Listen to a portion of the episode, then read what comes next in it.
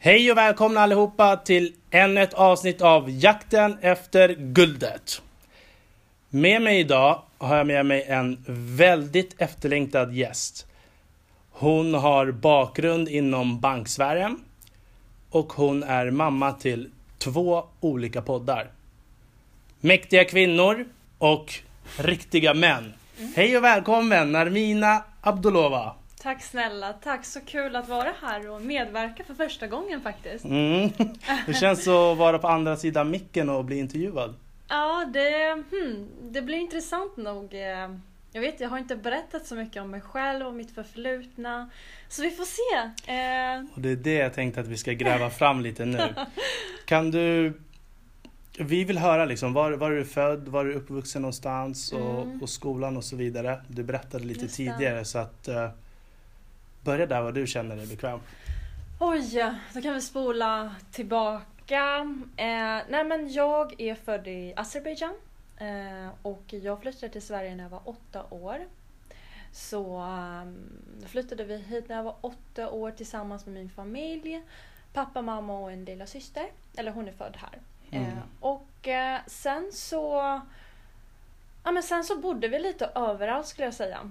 Du vet när de frågar mig så här, men vart kommer du ifrån? Eller är du stockholmare? Är du från Linköping? Men Jag vet inte, så jag har bott överallt. Mm. Eh, och det är på grund av att, eh, ja men du vet när man flyttar till ett annat land. Eh, mina föräldrar är väldigt ambitiösa och de har alltid velat ja, bidra på något sätt. Och pappa har alltid älskat jobb och så. Sen flyttar man till ett annat land. Eh, det är inte lika lätt att hitta ett jobb, att anpassa sig och du vet hela den här Mm. Biten. Eh, så det gjorde att ehm, eh, det gjorde att vi flyttade runt hela tiden. Men eh, att jag fick att jag började skolan när jag var 12 år så jag gick ju aldrig till en normal skola eller som alla andra. Hur kommer det sig att du började skolan så sent? Var det typ i väntan på asyl eller?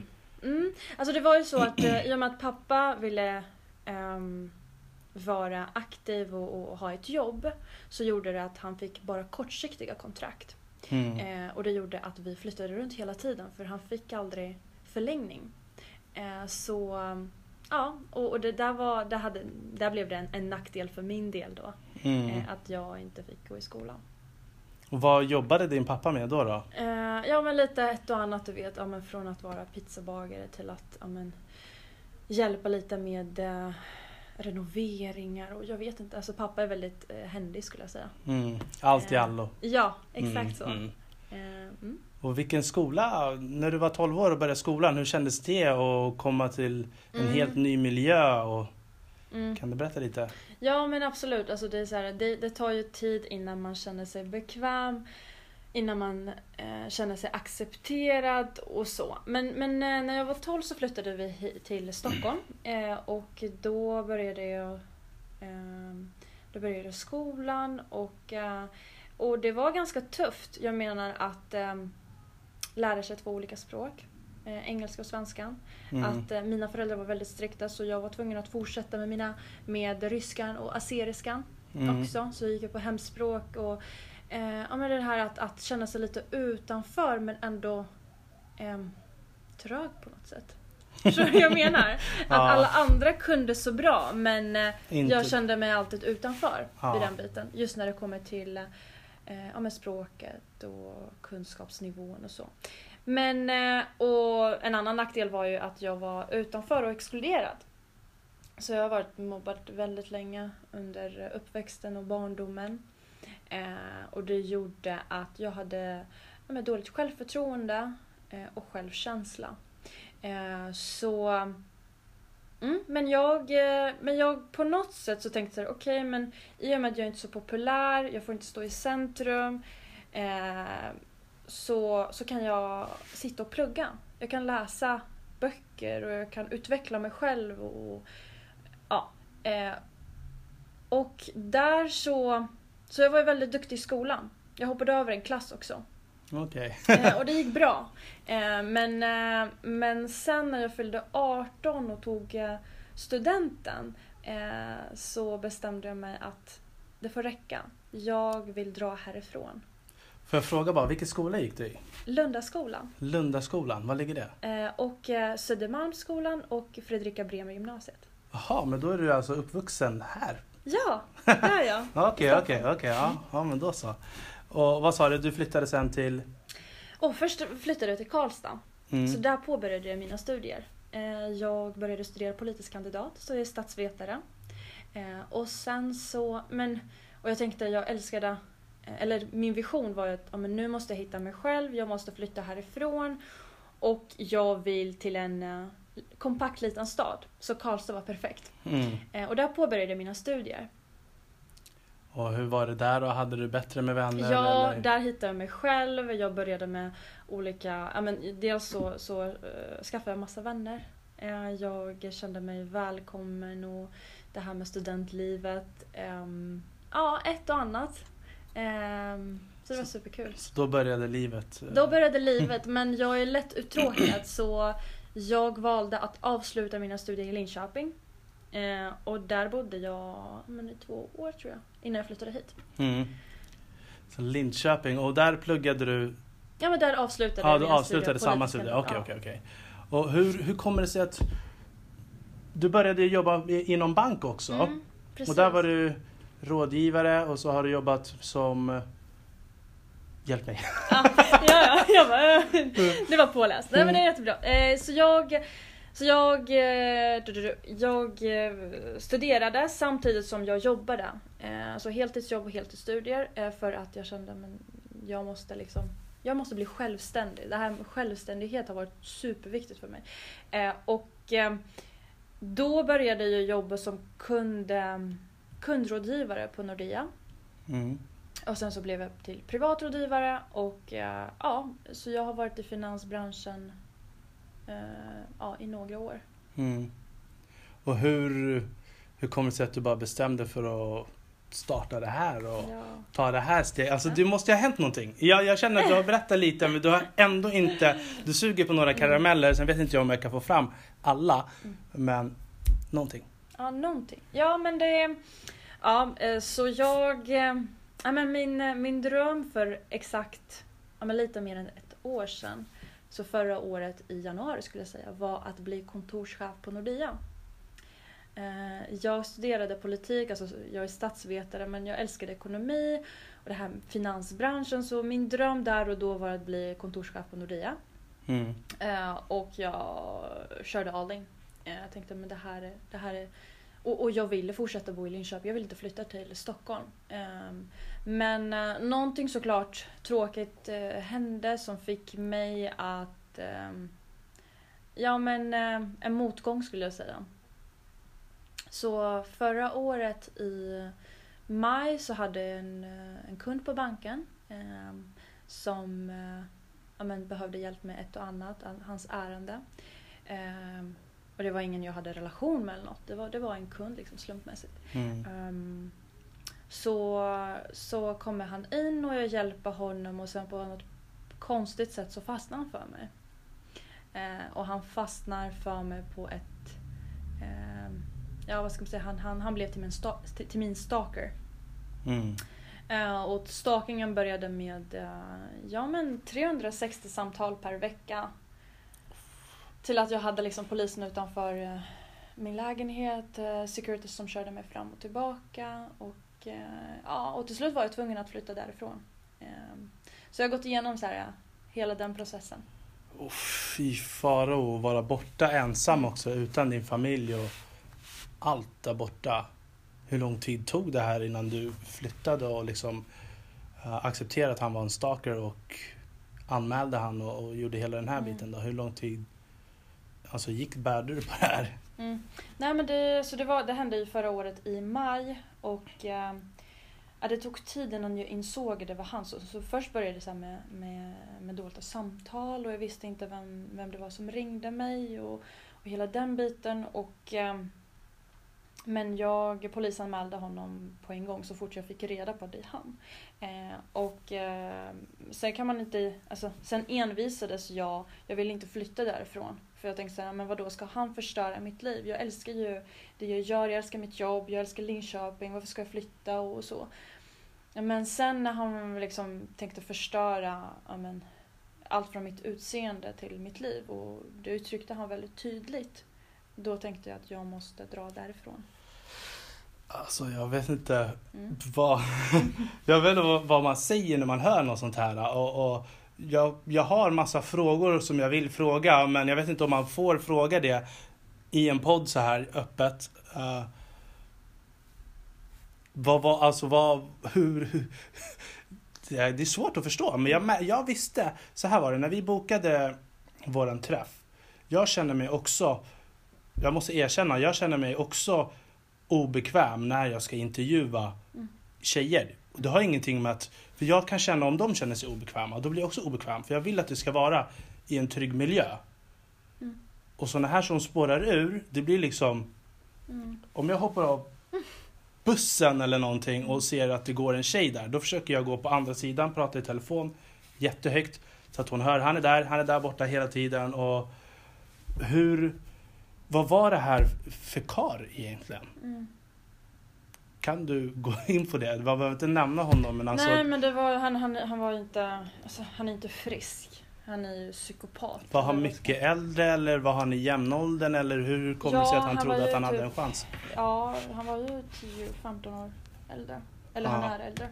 Eh, och ehm, ja men jag vet inte, jag, jag har ingen aning. Alltså, bara, han bara fastnade för mig och sen bara och du vet, och på något sätt, alltså det är så jättefel att säga det, men på något sätt är jag glad att det hände just mig. För jag kunde omvandla det till en styrka. Mm. Du vet, så när jag flyttade hit i november förra året. Jag var så ledsen, jag var så arg, jag var så... Jag var förstörd. Det, det är det jag kan säga. Mm. Det enda jag gjorde, jag grät 24-7. Och... Och du vet, när man går igenom en, en tuff situation eh, så finns det bara två utvägar.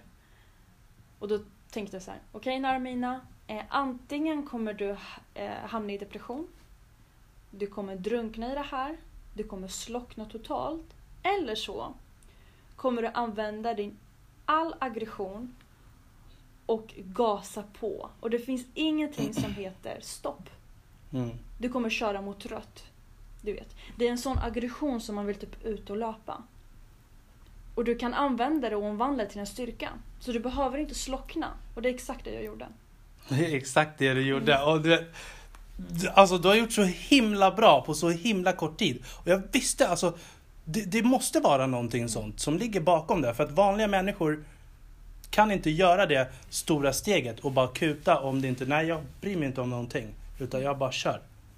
Och det var därför jag också ville träffa dig och höra liksom jag har hört i, i dina intervjuer att ibland så pratar du om gamla erfarenheter men ändå inte fått ut vad det är. Och då, hon måste få dela sin historia, det måste finnas någonting där och som säkert kan hjälpa andra också. Och du gjorde det här så snabbt och så bra. Visste du? Hur, var, hur har det varit nu att få känna på all uppmärksamhet som du har fått? Mm. Alltså jag har, jag har fortfarande lite svårt att förstå att det har gått så fort för jag har inte vilat på 11 månader. Jag har inte vilat sedan jag började. Jag Mm. lovar.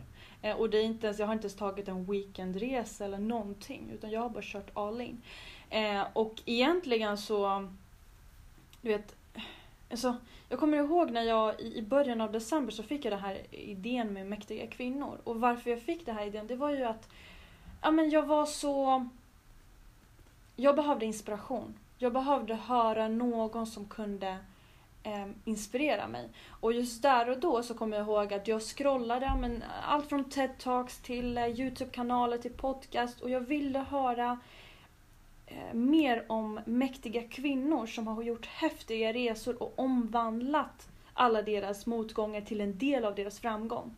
Förstår du? För, för jag Mm. menar, Just nu ser vi så filtrerade bilder och det här fina som vi upplever i den virtuella världen och allt ser så perfekt ut. Mm.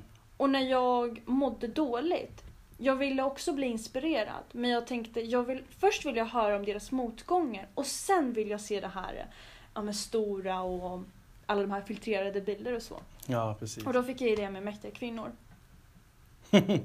och du har ju suttit i Breakit-panelen och sånt i Almedalen också, eller hur? Precis. Alltså hur, hur har du, du, du har ju fått blivit överöst nu med opportunities. Mm. Och folk måste väl dra i dig? Mm. Hur, alltså, hur gör du nu? måste du inte ta en paus eller kanske skaffa dig en manager eller sköter du allting Mm. själv? Nej, det gör jag inte. Jag har eh, en fantastisk eh, samarbets... Inte samarbetspartner, men en, en, eh, en medarbetare eh, som redigerar mina poddavsnitt. Eh, Afram Gabro heter han och jag är otroligt tacksam för all hans jobb just när det kommer till att göra allt bakom kulisserna. Mm. Eh, sen har jag eh, Jenny Sinclair, eh, Tech Position, som har klivit in som min agent. Så Mm, nice. de, det, är också, eh, och alla de här samarbeten började ju rätt nyligen, så för två månader sedan ungefär skulle jag säga. Två, tre månader sedan. Mm. Men innan gjorde jag allt själv såklart. Eh, och jag kommer ihåg när jag flyttade till Stockholm, alltså jag hade inga kontakter, inga resurser. Jag kände inga mäktiga kvinnor. Det Mm. gjorde jag inte. Men någonting jag visste var att, okej, eh, om du inte har någon att vända dig till så har du två stora eh, sociala eh, källor som du kan använda dig utav till hundra och det är LinkedIn och Instagram. Och då tänkte jag så här, ja men okej, eh, jag är inte influencer, jag hade typ 200 följare eller något. Alltså det var bara mina vänner. Mm. Eh, och då tänkte jag, ja men okej då, eh, hur ska jag göra hur ska jag göra nu? Så jag började ju lyssna på massa Youtube-kanaler och ju, du vet, videor där de förklarade hur förstår man sig på analysmodellen, hur förstår man sig på mm, det här med influencers, hur, hur social marketing och hela den biten. Eh, så det går ju om man vill. Mm.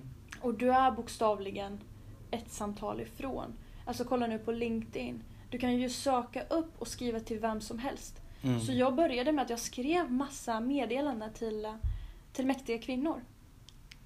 Alltså det är helt, jag tänker bara så här. Så mycket tid som du måste lägga ner bara på dina medier. Mm. Skriva allting och förarbete för intervjuer och ta intervju. Hur många intervjuer har du i veckan? Alltså om vi säger så. Har Eh, kört. nu, eh, nu har jag börjat även med riktiga män. Så Mm. det är två publikationer varje vecka. Så jag publicerar två avsnitt. Mm. Mm. Hur hinner du med allting? Och dina sociala medier, hur många bilder med texter? Mm, liksom. precis. det- Ja, men det är ju mitt jobb. Ja. Eh, jag jobbar ju med det. Mm. Eh, och det är klart liksom Det går om man vill och sen så ska man använda sin energi på rätt sätt. Så det, det är viktigt, väldigt viktigt. Men när du sover, drömmer du då om liksom Instagram och LinkedIn-texter? Nej men jag Jag brukar ju skriva ner mina känslor och mina tankar. Jag har min dagbok. Mm. Eh, och ibland skriver jag om allt jag känner. Eh, och sen så sammanfattar jag dessa texter till något, ja men till en miniversion som jag eh, sen publicerar via Instagram och sociala- nice. Ja, så det är så jag formulerar mig. Mm, mm. Ja, men jag tycker verkligen att det, när man förstår allt arbete hur det är. Jag kör ju bara en, jag publicerar ju bara ett avsnitt i veckan. Och jag drömmer ju allt och måste korrigera texter och sådär. Men ibland har jag monologer också. Och det är jättejobbigt men jag skulle inte klara av att göra din Instagram och LinkedIn. Mm. Hur många bilder? Du har ju en, hur Jag försöker publicera minst två bilder varje dag. minst två, ja. Men det Ja. känns som nästan fler. Men det kanske är ja, algoritmen. stories kanske. Ja. ja. ja. men det är, det är dunderbra faktiskt. Ja, men det här, och sen handlar det väldigt mycket om perfektion. Alltså, du vet, um, före trodde jag att det var, mina, att det var min svaghet, att jag var så... Eh, vad ska man säga? Att jag var lite överallt och jag... är- Ja, men du vet, att jag beskrev mig själv bokstavligen som kaos. Mm. Men sen omvandlade jag och bara, men kolla på universum. Det är ju kaos. Men se hur mycket det skapar. Ehm, så jag gjorde det till min styrka och nu behöver jag inte vara perfekt. Jag har jättesvårt för struktur, att vara organiserad, att vara ehm, vad ska man säga, prydlig. Mm.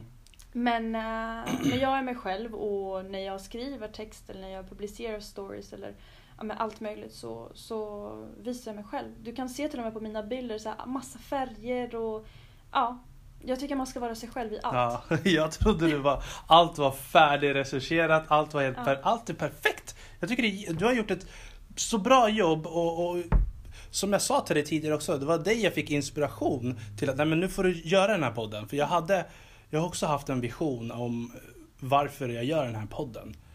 Uh, dels för att man ska bli en nyckel för andra personer.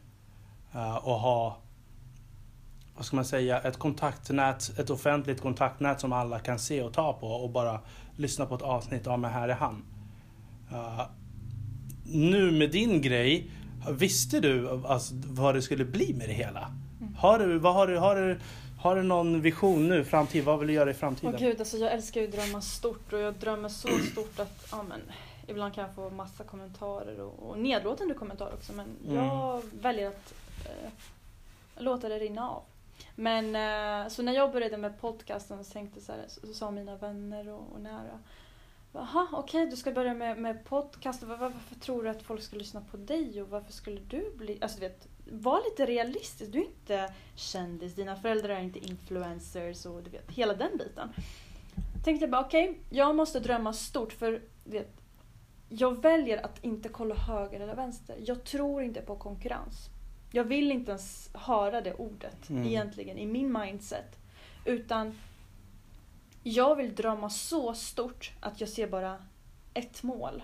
En, alltså en stark vision om min framtid. Mm. Och en kvinna som har inspirerat mig otroligt mycket och har varit eh, med i olika eh, vad ska man säga, i olika situationer utan att hon ens själv är medveten om det, det är ju Oprah Winfrey. Ja. Eh, och så tänkte jag så här, gud hon inspirerar mig så mycket och jag känner mig själv i hennes stories och hela den biten. Jag ska bli Sveriges Oprah Winfrey tänkte jag. Du vet, bam! Egen talkshow alltså? Ja, ja, det är visionen. Ja, oh, nice! Så jag tänkte okej, okay, men det, jag älskar det. Och, och, och det är det som drev mig också, förutom min aggression. Du vet, i längden, du kan inte vara arg för, på, på ditt förflutna. Liksom. Du måste mm. acceptera och du kommer inte att må bra om du bär med dig det hela tiden. Um, så då hjälper dina förebilder, din vision, dina mål och ja, och, och jag tror det, det hon, utan att hon är medveten om det så hjälpte hon mig att gasa på. Mm. Ja men det är en riktigt mm. nice mm. dröm. När ska du göra det här då? När ska du vara där? Jag vet inte, vi, vi tar det. Alltså det är så stort du vet så att jag bara, jag bara springer dit. Och det är därför kanske att man inte känner av um, att man har gjort, alltså du vet nu när du säger och jag har ju fått, jag får ju massa meddelanden och kommentarer och folk som beundrar och alltså jag blir så glad och um, tack liksom. Men, men, uh, men samtidigt känner jag att mitt, mina drömmar och min vision är så stor att jag, jag känner inte så mycket av, av det jag har uppnått. Förstår jag, jag förstår, jag förstår. Ja. Mm. Du är bara på vägen och liksom ja. puttrar på. Mm. Men eh, vad, har du vad har du för guld? Har du någonting som du känner så här, det här vore guld, det här vill jag syssla med resten av livet? Är det liksom talkshow-grejen eller har du någon annan djupare dröm? Oh, jag har så många drömmar men eh, eh, jag älskar människor, det gör jag genuint. Eh, och jag tror det har varit nyckeln till, eh, till alla fina relationer som jag har eh, idag till, eh, ja, men till att jag har så lätt att nätverka, connecta, eh, finna något gemensamt med, med människor. Eh, och det gör att jag vill bidra eh, mycket mer för varje dag som går. Mm. Eh, talkshow är ju självklart, liksom, jag, vill, jag vill bjuda in Ehm, både män och kvinnor och eh, prata mer om det riktiga, om det som uppstår bakom kulisserna. Om, om, alltså det är ju inte lätt att vara en mäktig kvinna. Det är inte lätt att vara förmögen eller framgångsrik. Eh, och det vill jag prata om. Vad innebär det? För vi ser ju bara det här glossiga, filtrerade, mm. eh, fina. Eh, vi ser perfektion hela tiden. Det mm. är inte så. Det är en tyngd och det är, det är tyngder som de bär på. Mm. Uh, det är mycket större utgifter de har också. Precis. Jag hade ju en eh, vän som berättade, han bara, ja, men jag har en miljon i månaden i utgifter. Det, även om man tjänar pengar mm. så kan det ju fortfarande liksom en misskalkylering eller försening, det är ju många som blir drabbade. Absolut. Och det är, ju, det är därför man måste bygga sig själv och bli starkare och starkare och starkare på vägen. Mm. Men eh, din grej nu med riktiga män och mäktiga kvinnor, du försöker connecta där. Ja. Kan du berätta lite? Ja men absolut, jag har ju varit med kvinnor väldigt länge och, och jag menar jag har varit med i olika communities, i olika grupper, podcast. Eller inte podcast men, men varit väldigt mycket bland kvinnor. Jag jobbar för kvinnor, med kvinnor. Eh, och efter eh, efter sex, sju månader så insåg jag bara Alltså varje gång jag går på dessa event och eh, är med på olika communities eh, ja, med träff och hela den biten så, så, så ser jag bara kvinnor hela tiden. Vilka Mm. sitter på kontakter, resurser, pengar, makt? Det är ju män. Varför är de inte här? Tänkte jag. Jaha, jag tänker kvinnorna sitter på makten, men ja. Ja men om vi ska verkligen påverka just det här med eh, att kvinnor ska äga mer, att, vi, att kvinnor ska sitta på höga positioner, att vi ska få in kvinnor i mansdominerade branscher. Då måste männen vara med, där och då. Eh, och då tänkte jag så här, okej, eh, och varför, varför eh, sker en sån exkludering kände jag? Att de inte är här. Mm. Ehm, och då insåg jag att okej, eh, för att vi ska bygga en finare och mer jämställd framtid så måste män närvara och bidra så mycket som det bara går. För vi kan uppnå alla våra drömmar, våra visioner och kan lyfta upp hela samhället genom att göra det hand i hand. Jag är här för din syster, din mamma, din framtida fru, jag vet inte om du är gift, men, ja, och eh, för dina döttrar. Mm. Varför ska inte du finnas där för mig? För att pusha och göra det till något större. Och det var visionen. Så jag, mi, mitt mål just där och då blev att ja, men jag vill bygga broar mellan män och kvinnor. Det är dags att vi samarbetar och pratar om allt vi kvinnor pratar om med varandra. Mm. Mm. Så mer om syskonskap och inte systerskap. Precis. Mm. Alltså, jag, jag håller med helt och hållet. Eh, Det är synd bara att tyvärr så är taket så himla lågt. Mm. Att det är inte acceptabelt eh, för killar kanske att, att prata Mm. om vissa saker. Alltså, blir man inte direkt inbjuden så som du säger. Mm. Att nu ska ni sitta här och ni sitter här och nu ska vi connecta och hjälpa varandra. Om jag driver ett stort bolag, jag vill ju hellre ha, helt ärligt, alla dagar i veckan, en stentung tjej som bara skövlar på. Mm. För jag vet att hon är hundra gånger starkare och är noggrannare Mm. än killar. Men hur, hur kan man ta den konversationen Mm.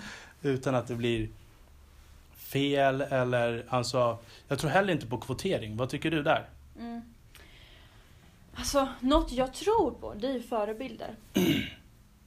Jag tycker att vi ska, det är ju därför jag har riktiga män, det är ju för att lyfta fram mina förebilder som öppnar dörrar för kvinnor på ett eller annat sätt. Mm. Och det är eh, exakt. Och för mig, riktiga män är eh, män som vill bidra till en finare framtid. Män som öppnar dörrar för kvinnor. Män som kan framstå som förebilder. Och påverkar alla de här frågorna som jag sitter med dag in och ut tillsammans med mig. Mm. Men eh, också som jag sa tidigare, jag tycker ju att kvinnor sitter ju på mycket mer. Mm. Varför? Det känns som, ibland så känns det som att det är en kvinnor Du tycker för- kanske det på grund av min podcast. Det är inte bara, Men- inte bara, ja kanske, Men om, man, kanske. men om man kollar liksom på statistiken, exempelvis Ownershift eh, har gjort ett fantastiskt eh, eh, tankemedia som handlar om att de tar fram eh, de, de, de, de tar fram statistiken som visar tydligt vilka som äger Sverige. Ja men det är ju, jag, det förstår jag. Eh, och ja, Men jag tror, jag tror så här. Att kvinnor har makten, det är bara de vågar inte erkänna det för sig själv. mm. Och därför, så blir det ing, därför blir det ingenting av makten som de sitter på istället för att stötta någon idiot som får all ära. Mm. Och det är det som jag tror är kruxet. Mm, precis, att man ska våga ta plats, äga rum. eh, och ja, ja, jag håller med dig till hundra. Och jag tror... eh, du vet, efter så många intervjuer med kvinnor och jag har börjat med män också. Så ser jag en tydlig mönster och att... Jag också. Ja. Att... eh, jag, jag är jättenyfiken. Vad har du? Nej, jag vet inte heller om jag kan säga det här. Men Ja, jag, men har, säg jag, nej, men jag, jag, märk, jag märkte på en gång hur jargongen förändrades. Mm. Och hur du hade tålamod. Så jag vet inte, jag har inte lyssnat på alla. Men ett avsnitt så lyssnade jag på. Jag satt och skrattade lite när jag lyssnade hem. Ja. Vad var det? Nej, alltså men... Så jag förstår, det är en helt annan jargong. Mm. Och det är synd, men jag tyckte det var bra. Du stod på dig. Och det var inte så här överkörd. Jag tror, jag tror att folk blir nervösa också när de sitter i sådana här intervjusammanhang. Mm. Är man inte van med inspelning, då blir man ju nervös. Precis. Så att jag tror att Nej, men var... ett mönster är ju att eh, kvinnor brukar ha dåligt självförtroende och självkänsla under uppväxten och barndomen. Eh, och jag tror det, om vi kan förändra den biten och ge mer och bygga eh, kvinnors självförtroende eh, så kommer det leda till att vi får eh, mer makt. Vi kommer våga ta plats. Vi kommer sticka ut. Eh, vi kommer våga uttrycka oss, förmedla våra känslor, tankar.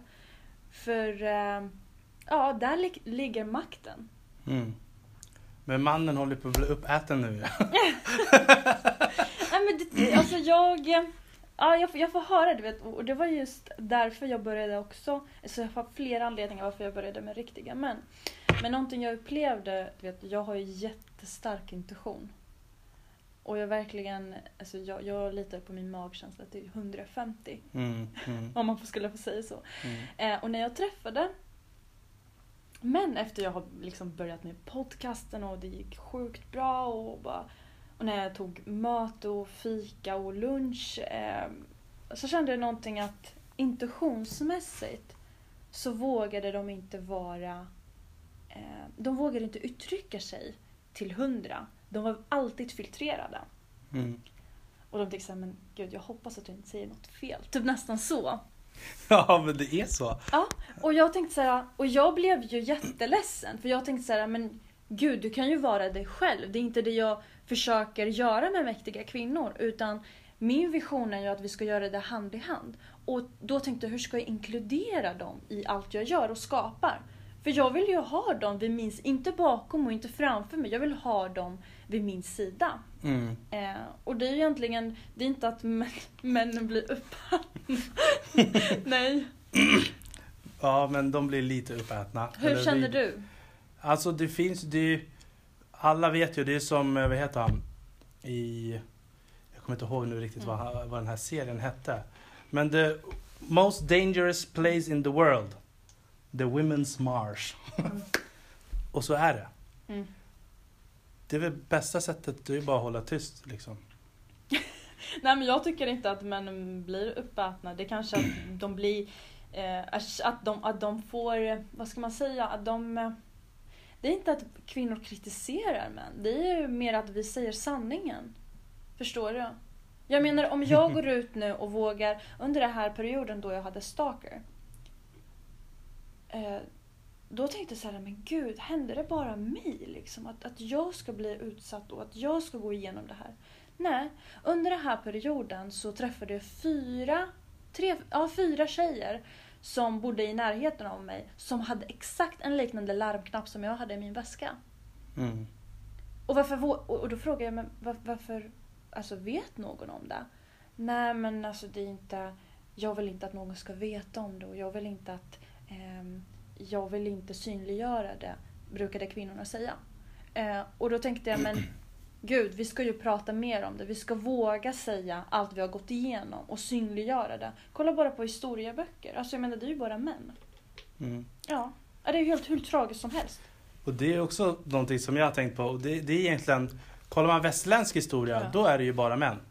Jag gillar mycket så här asiatisk, Mm. koreansk och kinesisk och Mm, mm, japansk. mm, mm. Och där är det ju hur mycket kvinnor som helst. Mm. Riktigt starka, grymma tjejer som alltså har varit mäktigare än kungariken runt omkring. Och när det har varit krig så har de liksom placerat nya kungar på platserna. Och sen har de ju försökt att förminska kvinnornas makt och så vidare. Men den är ju helt raderad i västvärlden. Mm. Mm. Så man ska inte säga att den inte finns. Det har ju funnits men den är ju, på Mm. något sätt så finns den inte. Det måste man ju ställa sig frågan. Men du som är man då, känner du att du blir obekväm när kvinnor får eh, alltså, mer och mer, att de syns mer och de tar plats? Alltså jag är inte den som är obekväm. Nej. Alltså absolut inte. Nej men gör det lite så nervös, eller vad ska man säga, att, att du känner så här, men nu måste jag vara extra filtrerad. Jag gillar starka tjejer. Alltså Mm. för att så fort hon är stark då kan jag slappna av. Mm. Det, det, det är mer det. Eh, Som, annars så går man ju på äggskal. Mm. Men det är super, exakt, och det menar jag är superbra om, om kvinnor får mer makt. Mm, alltså jag vill hellre en stark tjej som Ja. vågar stå på sig, har... Men tjejer, ni, det är det också som är grejen. Ni ser, ni har mycket sämre syn på er själva än vad killar har på tjejer. Mm. Killar ser tjejer redan som att ni har mycket mer makt än vad killar har. Mm. Men det är ni själva som bara nej, han har all makt. Vi bara nej, vi står ju här och håller helt tyst och bara liksom följer varenda vink Ja. ni säger. Men det är ju inte sant heller. Alltså jag menar efter så många intervjuer så kan jag säga eh, bara rakt av att det händer så mycket bakom kulisserna. I Mm. olika rum, i olika positioner. Och, eh, det är inte skitsnack. Jag tror, eh, ja det, det krävs det krävs mer för att lyckas som en kvinna. Mycket mer. Alltså jag kan också tänka mig att det- är liksom Som jag är ju mörkhyad Mm. Och det är annorlunda då också och det, det är ju annorlunda om du är Nu ska jag säga vit man Mm. eller om du är utländsk och, och så vidare. Eh, jag brukar tänka också ibland att tjejer kan ju ta samma utrymme som... Om, jag, jag är uppvuxen så här, du måste jobba hundra gånger hårdare Mm. än de vanliga. För du är svartskalle. Så jag tror att eh, kvinnor skulle ju kunna göra precis så som jag har tänkt. Så om man är invandrare, kommer med en invandrarbakgrund och ser annorlunda ut. Att man måste jobba hårdare. Man måste ta sin plats. Mm. Och visa framfötterna. För att annars så får man stå längst bak i ledet. Mm. Istället för att bara tro att man ska få sin plats för att alla andra får sin plats. Och där, där tycker jag att eh, mina föräldrar uppfostrade mig bra att de sa det till oss i tidig ålder. För att jag kan se mina kompisar som har barn nu, kanske med utländskt påbrå. Och de säger inte det. Det kommer ju bli ett annat bemötande när de kommer ut i arbetslivet. Eh, Och jag tycker det har varit en fördel. Folk tror att bara för att man är mörk att man kan dansa, sjunga, alltså springa. Ja, ja. Och det, jag, har, jag har sett det som en good motivation. Mm. Alltså, jag får jobba hårdare bara helt enkelt. Och det har bara varit positivt. Mm. Vad tycker du, alltså vad tänker du om det liksom? Mm. Alltså jag tror ju på att Definitivt så tycker jag att vi ska jobba mer i hela samhället kring mångfald och inkludering. Att man ska inkludera mer. Eh, Men eh, även att alla människor måste förstå och tro på sig själv. Men samtidigt att man omvandlar det som sticker ut till sin super, superpower. Och då menar jag så här, men jag har eh, jag, jag har invandrarbakgrund och jag är inte ens född i Sverige. Ja men det är min styrka. Jag. Det är, min, det är min styrka. Eh, Och jag menar jag, eh, jag kan sex språk, sex olika språk. Det är min styrka. Mm. Ja, men Kan du jag, berätta vilka språk du kan? eh, ja, ryska, assyriska, turkiska, svenska, engelska. Och eh, lite franska kan jag också. Mm. Ja. Ja, nice. Yes. Eh, Så det är, min, det är min styrka och jag menar jag... eh, Ja men det här med att eh, alla tror att man kan dansa och du vet har... Ja men det kan jag. Jag, jag har jättelätt för att liksom eh, lära mig olika dansstilar och jag känner rytmen. Och Det är Mm. också min styrka. Varje gång jag går på event, jag äger ju. Alltså, förstår du? Och liksom våga ta plats. Så det går alltid att omvandla det som sticker ut, kanske lite för mycket, att omvandla till sin superpower. Bara, ja ah, men där är jag, liksom, här finns jag. Ehm, Om Mm. det är ett rum som accepterar sånt. exakt, precis eh, så. Klarar av sånt. Ja. Eh, Jag kan tycka att eh, oftast så är rummen alldeles för små. Mm. Och den som sticker ut mest kanske Mm. bara sticker inte ens ut 10% av det man själv liksom har. Absolut, jag håller med till Och det är där det blir liksom, Mm. nej det är lite för tajt här, jag blir Mm. kvävd. Så att, Men det är exakt varför jag pratar om mansdominerade branscher. Att känner ni så då eller?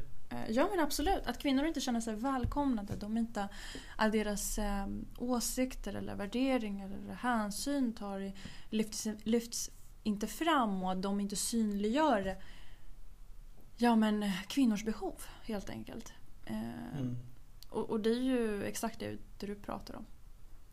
Kan det vara då också för att vi kanske är lite olika i hur, hur vi är med varandra? Mm. Eh, jag tror att killar, vi, om vi vill ta plats, då måste vi ta vår plats. Mm. Medan ni tjejer är mer att ni delar, alla ska ha lika. Och, Men det är inte alltid så. Alltså, jag menar, jag älskar ju att ta plats. mm. Jag älskar att eh, synliggöra och prata högt om mina åsikter och mina värderingar. Och om jag vill verkligen sticka ut, varför skulle inte du säga... Alltså jag tror att det finns plats för alla. Jag tror att alla kan vara sig själv och inte behöva anpassa sig Mm. efter någon annan. Det är ju roligare då. Ja men precis, om du älskar att ta plats och göra det, men varför kan vi inte göra det tillsammans, tänker jag. Varför skulle du tänka, men hon kan ju vara i bakgrund eller bakom kulisserna, jag ska synas mer. Det är ju inte, det är inte Nej. rättvist. Och det är Nej. exakt det jag pratar om egentligen. Hur kan vi eh, locka tjejer och den yngre generationen till att eh, jobba i mansdominerade branscher? Eh, tech, eh, finans, eh, bygg, eh, sälj. Alla de här branscherna är ju mansdominerade. Vi Mm. måste ju göra någonting åt det.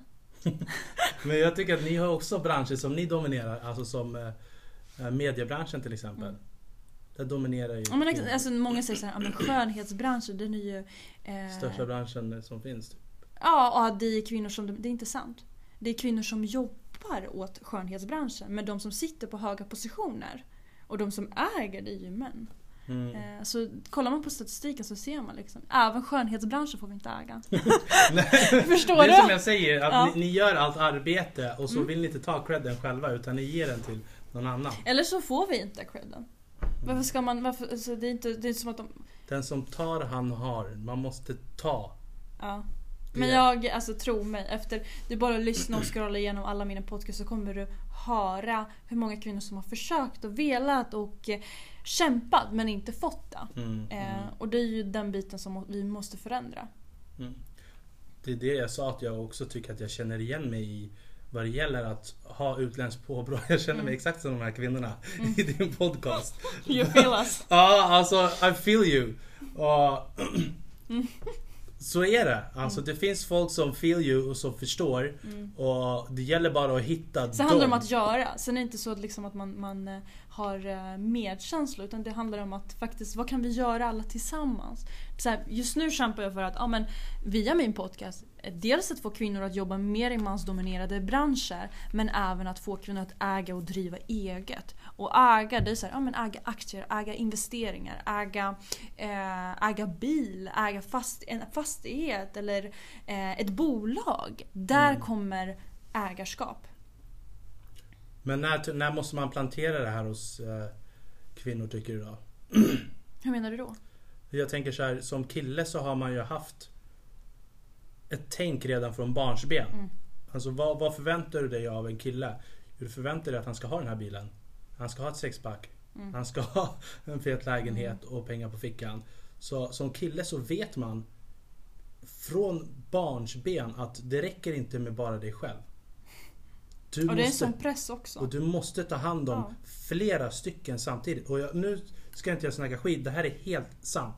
Sen man går på disco när man är liten. Mm. Du har en kvinnokassa och du har din egen kassa. Och så här mycket kan jag ha för mig själv.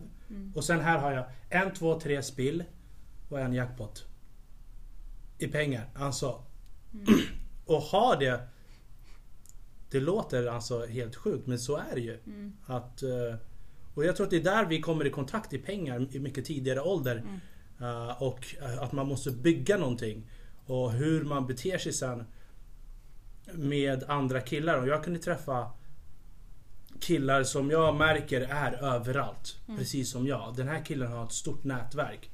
Om han har en tjej och vi stöter på varandra sen eller och jag ser den här tjejen om hon flörtar eller vad som helst. Alltså då är hon borta. För hon kan aldrig ge mig någonting. Den här killen och jag, vi verkar vara överallt. Vi kommer att bli vänner. Mm. Jag tror att det är ett helt annat tänk. Vi har ett helt annat tänk från tidig ålder. Mm. Som jag tror skulle vara, ja. Mm. Det, är, det är sent att börja tänka i arbetslivet. Bara nu vill jag ha det här. Man bara killar har ju tänkt sådär sedan de var barn.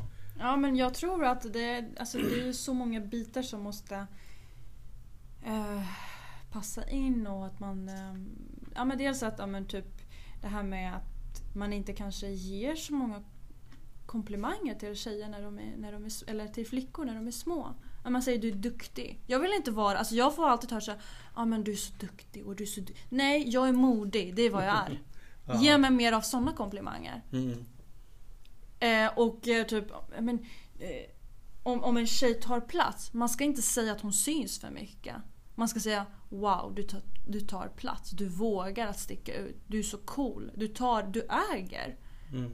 Det är ju liksom, det, det är så mycket som vi måste förändra. Vi måste bygga eh, självförtroende hos kvinnor och tjejer. Mm. Det är exakt den visionen jag gick ut med och sa men jag vill bygga självförtroende hos Sveriges kvinnor. Mm. Ehm, och eh, ja, där kan ni ju hjälpa. Där kan du hjälpa. Jag hjälper vad jag kan. Alltså jag, jag kan säga så här, jag personligen. Om jag skulle ha en radarpartner som jag bara kan do business with. Mm. Jag, jag är också spretig som attan. Så jag behöver egentligen en ryttare som ska rida mig. Mm. Och då vill jag hellre ha en riktigt stentung tjej. Mm. Jag vet att hon har koll. Men är det verkligen så? Ja, 100%. Vad ska jag med en kille till? Alltså, till slut så kommer vi kolla på varandra. Men jag bara- tror inte att det ser ut så på riktigt. För jag kan säga så här, ja men typ efter så många intervjuer eh, med mäktiga kvinnor så kan jag säga att ungefär skulle säga 60-70% av dem är singlar.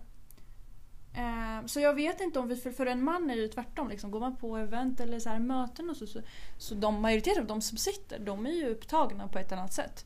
Antingen förlovade, har flickvän, sambo, någonting. Men för oss kvinnor är det helt annorlunda. Så när man klättrar karriärsmässigt så tror jag det förändras för kvinnor. Så där... Jag vet inte riktigt om, om män vågar och kan och känner sig bekväma med att ge utrymme. För det är inte det jag upplever när jag intervjuar mäktiga kvinnor. Ja, men, ja men det är kvinnornas exakt. Där blev det lite såhär Anna!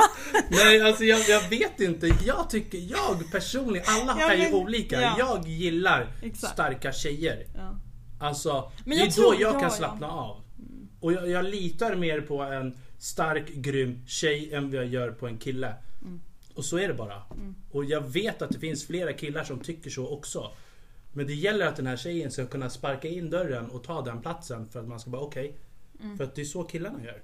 Men tidigare så nämnde man du att, du att män känner sig uppkäkade. Jag menar, Man gör ju det. Men Alltså, vad, vad, vad, jag man menar man om man uppkäkad. tar plats så känner du både stoltheten men även att du känner att, åh men gud hon tar för Nej, jag, mycket jag blir plats. uppkäkad av rädda tjejer. Det är då man blir, det är då man blir uppkäkad. Mm, Av osäkra, Mm. av osäkra tjejer, det är då du blir uppkäkad. Men Mm. en säker tjej, då kan du ju vara dig själv. Då kan du äntligen pusta ut. Mm. Så att Och vad innebär säkerhet för dig då? Eller alltså självsäkerhet skulle jag säga. jag är alltid säker, men man vet ju alltså att kvinnor är rädda. Jag har ju en tvillingsyster till exempel. Mm. Och eh, vi har ju hämtat henne vid tunnelbanan. Mm. Alltid, varje kväll i alla år sedan vi var små. Så jag Mm. vet ju hur vissa är rädda.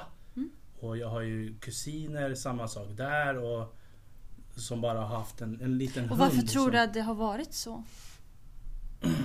Ja, jag vet inte. Ja. Det finns ju, men killar är också rädda. Kill, ja, alltså, Nej, det är för att statistiken och eh, vi har ju liksom all typ av fakta som visar att kriminalitet eh, sker för det, för det mesta av, av män. Eh, men psykisk misshandel då, det är också samma sak och det kommer väl mm. ifrån, alltså jag Ja men absolut, men jag menar så här, exempelvis efter det här Mm. med min stalker.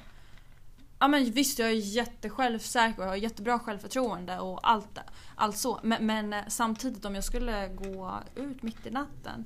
Visst kan jag sparka riktigt bra. Men eh, jag är fortfarande rätt på ett annat sätt. För Mm. att ja, men det ser inte ut för kvinnor så, så som vi vill egentligen. Att gå ut eh, på krogen och sen så ska du hem. Eh, Den biten känner jag, den är svår. Mm. Och så känner många. Det är inte, jag är inte ensam. Nej, precis. Det är det Eh, alla känner. Så det är det om, om ni vill att vi ska vara säkra och vi ska vara trygga, då måste ni skapa den tryggheten tillsammans med oss. Ehm, Hur gör vi det då? ja du. ja. Hur känner en tjej sig säker om du hoppar ut ur taxin eller ur... Vad heter Det är det? genom att män börjar bete sig. Kan ni bete er när vi går ut och en tjej liksom, alltså ge henne utrymme för att, för att vara fri. För att inte, alltså kom inte med massa nedlåtande kommentarer eller kommentarer som nedvärderar henne. Eh, och den biten liksom. Exempelvis säg att du har en dotter. Hade du velat att någon säger eh, taskiga kommentarer till henne när hon, när hon bär en kort kjol? Alltså jag tycker... Jag vill ju ha döttrar. Mm. Och jag vill ju ge dem samma verktyg som jag skulle ge till min son. Mm. Alltså, och det är det jag tycker är fel. Jag tycker att man ger vissa verktyg till pojkar och så tar man bort de verktygen för, tjej, för flickorna. Ja men jag håller med dig till hundra. Alltså, när det kommer till ehm, styrkan, alltså hur mycket jag tränar. Och vi säger du tränar också. Och vi säger vi har samma föräldrar. Jag kommer inte kunna sparka och ha samma styrka som du har. Nej men du kommer fortfarande kunna slå många killar. Absolut. Men fortfarande, Speciellt den förstår här du? rapisten. Det är han, den enklaste personen att slå. Mm. Kan man ju säga. Men, men eh, jag menar att eh, fortfarande liksom, så, vi ska inte behöva eh, träna upp våra barn för att alltså, vet, slåss. Utan vi ska ju förändra det här eh, Ja, vi ska säkerställa, bygga en trygghet för våra döttrar och för kvinnor. Varför ska vi liksom... Eh, Alltså det där jag också tror, alltså folk ser fel på träning. Att det handlar inte om att träna för ett krig utan det handlar om att träna för att tackla motgångar. Tackla, bli av med sitt jobb, bli av med sin flickvän, pojkvän. Alltså det är det träning är. mm, Du blir psykiskt stark på en annan Absolut. nivå. Psykiskt stark på en annan nivå och jag tror att det är det man behöver ha och eh, det handlar inte om slåss och mäta sin styrka med någon utan det handlar om att bygga en styrka för sig själv och bära sig själv genom livet. Det man lär sig när man tränar till exempel det är du kan träna hur hårt som helst och så ser du alla framsteg du gör. Du ser hur, hur lång tid det tar att göra ett framsteg först och främst. och sen så vet du skillnaden på när du har tränat i två år, kanske med löpning eller vad som helst. Och så tittar du på någon som aldrig har tränat löpning. Då vet du, hörru jag är två år före den här personen. precis. Och det är mer det varför man behöver träna, tycker jag, i tidig ålder och varför man behöver säga nej till sina barn. Och ibland så tycker jag också att man behöver tvinga sina ungar till idrott i tidig ålder. Ja men Det- absolut. Mm. Men ibland tas det inte så seriöst. Jag menar, kolla bara på fotbollen. Eh, fotbollsmatcher och fotbolls... Eh, alltså, när, när en eh, ung tjej eller flicka börjar på fotboll, det tar ju inte lika seriöst när en kille går. Att man Mm. hejar inte likadant, att man ger inte utrymme på, på Mm. liknande sätt. Att man tar det helt seriöst när en åttaårig ska börja sparka. Man blir såhär, kom igen grabben, kör nu! Du, förstår du? Men den... Eh, den eh, bemöt, man bemöter inte lika starkt och effektivt när, när det är en tjej som gör framgångar. Så, så det är den biten vi måste bli bättre på. Och sen att man... Eh, ja. Mm. Så du håller med med att man kanske behöver träna? Alltså. ja men absolut, träning behöver alla. Så jag menar det, det spelar ingen roll eh, eh, om man är tjej, en kille eller vad det är nu. Utan det jag försöker säga är att vi måste ha ett tryggt samhälle där alla, även de som inte vill träna, ska känna sig bekväma och säkra och trygga. Mm. För alla har inte de möjligheter. Alla kan inte göra det. Ja, men dels kanske på grund av eh, eh, fun- funktionshinder eller eh, att man inte har pengar för att gå på en viss sport som man vill verkligen. Mm. Mm. Eh, eller att man, eh, ja, du vet.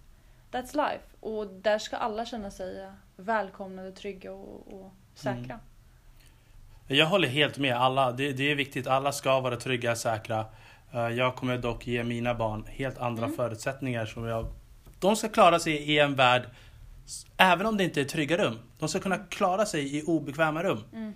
De ska kunna klara sig... Men om du kan göra det så bekvämt och tryggt. Skulle inte du sträva efter det så, så, så slipper du tänka på det om något skulle hända med dina barn.